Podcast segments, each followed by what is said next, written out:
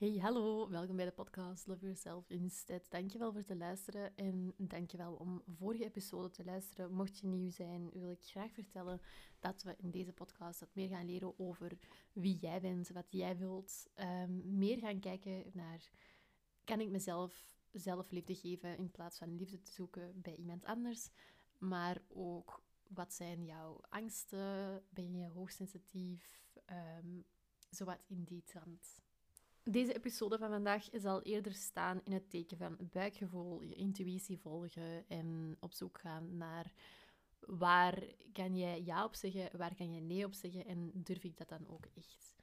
Eerst en vooral wil ik jullie vertellen dat ik hier zelf het heel moeilijk mee heb gehad. In de zin van, ik ben uh, hoogsensitief. Dat heb ik in de vorige aflevering ook al eventjes aangehaald.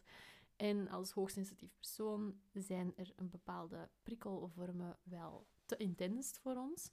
Wat maakt dat we vaak ja zeggen op iets, ehm, maar toch dan op het moment zelf denken, beter niet of liever niet. En ons er toch gaan doorpushen en nadien zijn we helemaal moe en hebben we geen energie meer en voelen we ons gewoon niet meer onszelf. Nu, als kind begreep ik dat niet goed en uh, werd er ook altijd van thuis uit meegegeven van stel je niet aan, ga dat toch gewoon doen.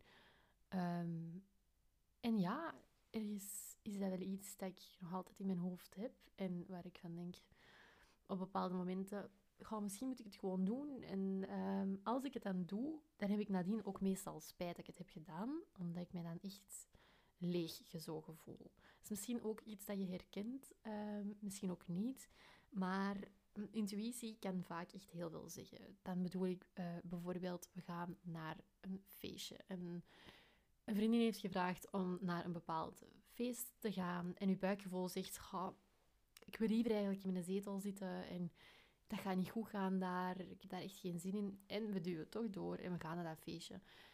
9 van de 10 gaat dat dan ook effectief niet goed verlopen, omdat uw buikgevoel op die moment echt gelijk had. 1 op de 10 gaat dat anders uitdraaien en ga je nu toch amuseren. En dat kan en dat is ook helemaal oké. Maar ik wil gewoon aangeven dat je zelf je eigen leven in handen mocht nemen en moet gaan uitdokteren van wat is er leuk, wat wil ik doen en luister, leer luisteren naar dat buikgevoel. Ik heb bijvoorbeeld vroeger heel vaak gehad dat ik met iemand aan het daten was um, en berichten aan het sturen en die persoon niet wou afspreken. Maar zelf had ik zo het gevoel van, oh, het is wel leuk om met je te sturen op sms. Maar daarnaast heb ik precies niet de behoefte om je af te spreken. En als ik dat dan toch deed, dan was dat afspraakje ook gewoon echt niet leuk. En dan, viel er vaak iets tegen. En dan dacht ik nadien van...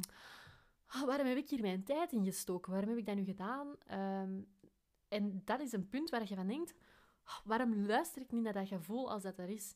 Nog een voorbeeld. Uh, ik ben recent gestart met yoga te doen. En um, de yogadocenten die gaf mij de raad om mee te doen met een ja, een, een soort van breathing cursus. Dus ik dacht, oh, dat is wat ademhalingsoefeningen. Je gaat leren hoe dat we op een correcte manier moeten leren ademhalen. Nu, de moment daarvoor, dat ik daar naartoe moest gaan, had ik zo'n gevoel van... Hmm, ik heb er eigenlijk niet zo'n zin in. En gaat dat mij wel aanstaan? En wat gaat dat allemaal zijn? En wat dat ook ergens wel gewoon gezonde spanning kan zijn. Het, het niet weten wat er gaat komen. Maar toen ik, dat ik daar aankwam, begon die dame te praten over wat er allemaal ging plaatsvinden in de cursus. We gingen aan ademoefeningen doen, maar dat waren ademoefeningen waar je echt sterk in en sterk uit moest ademen op een hele snelle manier. En ik zat daar toen al van, dit is niet voor mij weggelegd. Maar op die moment zit je daar in een cursus met nog veertien andere mensen die dat daar zitten. En je wilt je ook niet ja, weg laten jagen of, of stom overkomen. Wat heel, heel raar is, dat wij in ons menselijk brein meteen gaan denken aan andere mensen en niet onszelf eerst op de eerste plaats gaan zetten. Wat ik op die moment wel echt had moeten doen. Maar goed, de cursus gaat verder en we beginnen eraan. De opwarming was een soort van springen, waardoor dat uw middenrif ja, op en neer gaat beginnen bouncen, zal ik zo maar zeggen. En uw lichaam eigenlijk in actie wordt gezet. Dat op zich viel nog wel mee, maar ik was toen al rond mij aan het kijken en die mensen die gingen daar zo hard op in, wat dat echt helemaal oké is. Maar voor mij voelde dat zo gek. Ik moest ook gewoon mijn lach een beetje bedwingen, omdat ik, ja, ik voelde mij heel oncomfortabel daar. En ik wist zo niet goed welke houding dat ik mezelf moest aannemen. Het was dan ook nadien eventjes twee minuten pauze. Ik ben naar buiten gegaan en ik ben tegen de yoga-leerkracht gaan zeggen dat ik het allemaal niet zo goed wist. Want ik had haar ook al drie keer daarvoor gezien bij een yin-yoga-sessie.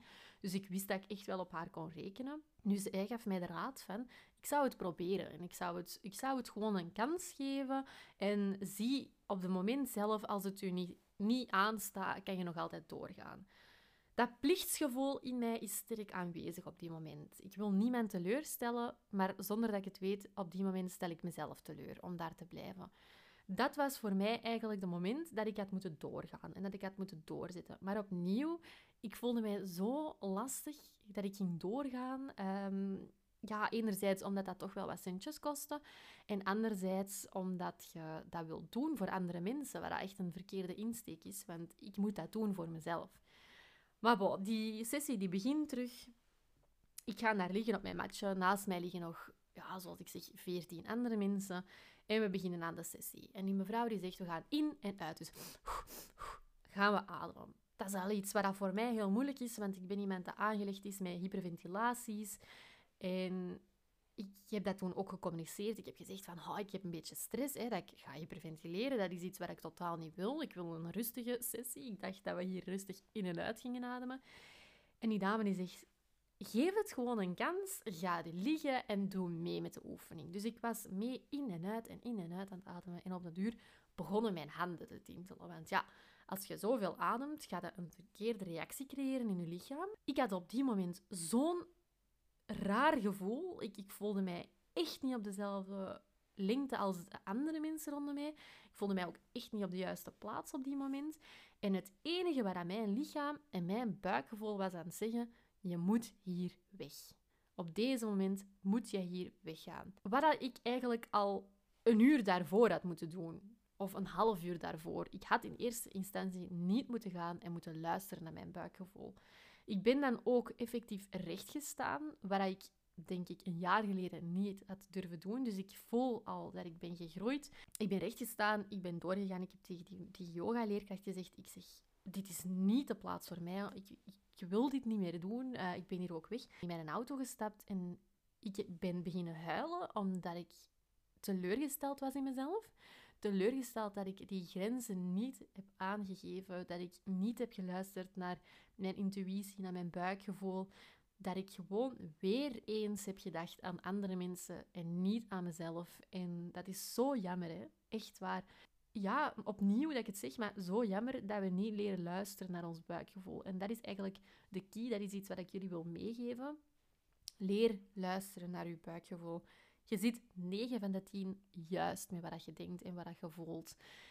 En stoppen met denken aan wat andere mensen van je verwachten. Want op het einde van de rit, jij moet met jezelf leven. En andere mensen leven met zichzelf, maar niet met jou. En of dat jij daar nu aanwezig bent in die cursus of niet, voor hen maakt dat eigenlijk niet zo'n groot belang. Want jij betaalt, jij hebt je geld gegeven voor die cursus.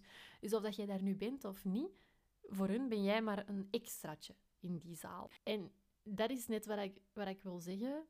Als jij denkt, het gaat voor mij vandaag niet, of het voelt niet juist, doe het dan gewoon ook niet. Ook al zeggen uw ouders, of ook al hebben uw ouders u geleerd van, zet even door, ga gewoon. Nee, als uw buikgevoel u iets vertelt, dan moet je daar echt naar luisteren. Want echt, het klopt. Het voelt zo abnormaal goed als je daar naar luistert, dat dat is iets dat je niet kunt uitleggen. Als je ergens naartoe gaat en je weet op voorhand al van, hmm, dat gaat hem niet zijn en je gaat daar naartoe, gaat je je toch niet kunnen concentreren, gaat het toch geen leuk gezelschap zijn. Dus je kunt beter eerlijk zijn tegen de mensen rondom je en zeggen van, het voelt voor mij niet goed, dan daar naartoe te gaan en daar heel de dag of heel de avond te zitten van, had ik hier maar niet gezeten en had ik maar thuis gezeten in mijn zetel. Het is belangrijk om op zoek te gaan naar wie jij bent, wat jij wilt, wat jouw wensen zijn. En ik wil jullie daar echt in begeleiden. En ik wil mezelf daar ook gewoon heel hard in begeleiden. Want zoals ik zei in de eerste aflevering, um, ik wil dit gebruiken als een, digitaal dagboek eigenlijk. En om te zien uh, dat er meer mensen zijn zoals mij die dat deze gevoelens hebben. Maar anderzijds ook om jullie duidelijk te maken dat er dat ik er ook mee zit. En dat wil zeggen dat er nog veel andere mensen zijn die dat hier ook mee zitten. Dat was eigenlijk vandaag eventjes kort waar ik het over wou hebben. Ik hoop dat ik jullie een beetje heb kunnen helpen in jullie reis naar het ontdekken van Love Yourself Instead. En ik heb alvast mijn lesje geleerd en ik hoop dat ik jullie voor kan zijn, dat jullie dit niet ehm, moeten ondervinden op een lastige manier zoals ik dat heb moeten doen, maar ehm, dat ik jullie gewoon heb kunnen bijstaan. Ik dank jullie om te luisteren naar deze aflevering en tot snel.